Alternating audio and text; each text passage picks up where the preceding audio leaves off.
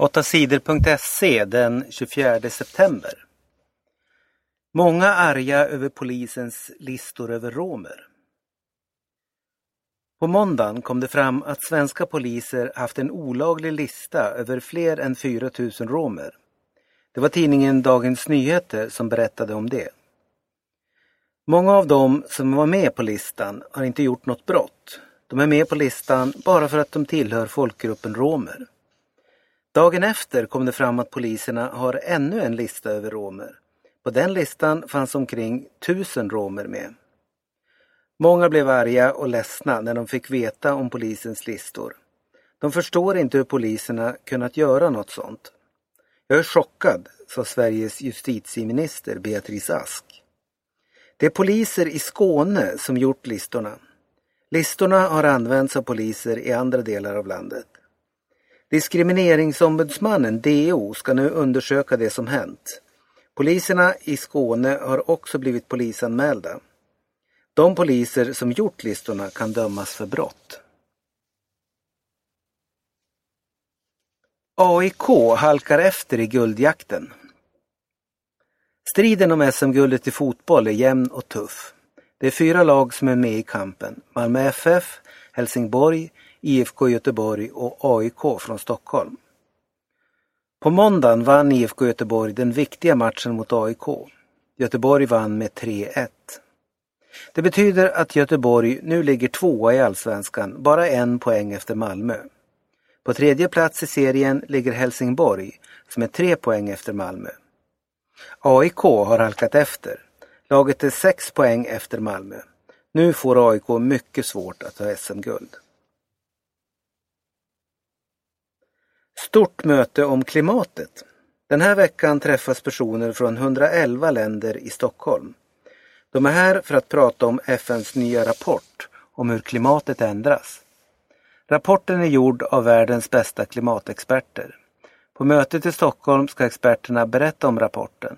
På fredag får alla veta vad som står i rapporten.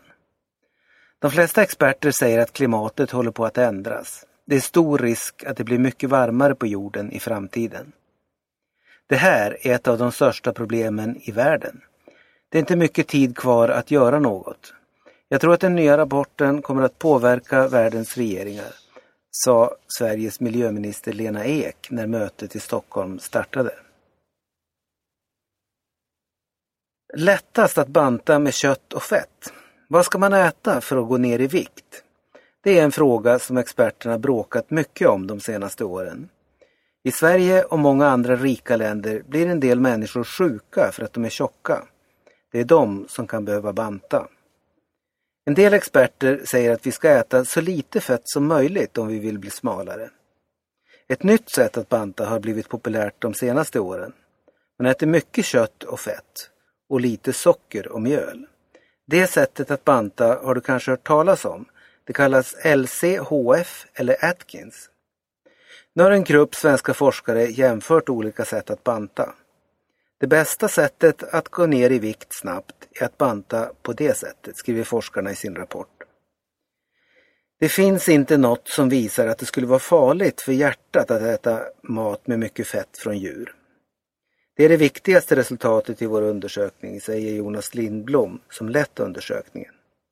Jonas Lindblom tycker att svenska sjukhus nu måste börja hjälpa människor att banta på det sättet. Terroristerna i Kenya är kvar i varuhuset. I lördags tog sig en grupp terrorister in i ett stort varuhus i Nairobi i landet Kenya. De sköt ihjäl människor och tog några som fångar. Minst 60 människor har dödats, flera hundra har skadats. De senaste dagarna har det varit strider mellan militärer och terrorister. Flera terrorister har dödats. Idag tisdag är några terrorister fortfarande kvar inne i varuhuset. Medlem i Pussy Riot hungerstrejkar.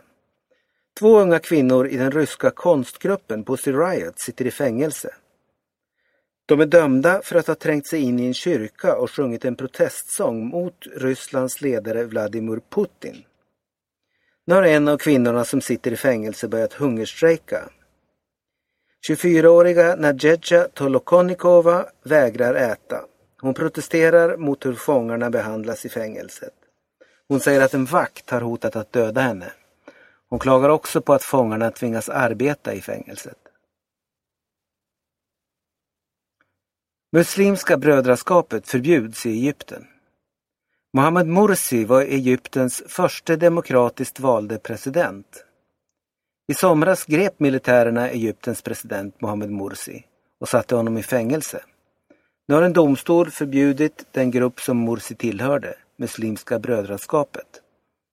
Även det politiska parti som Morsi tillhör förbjöds av domstolen.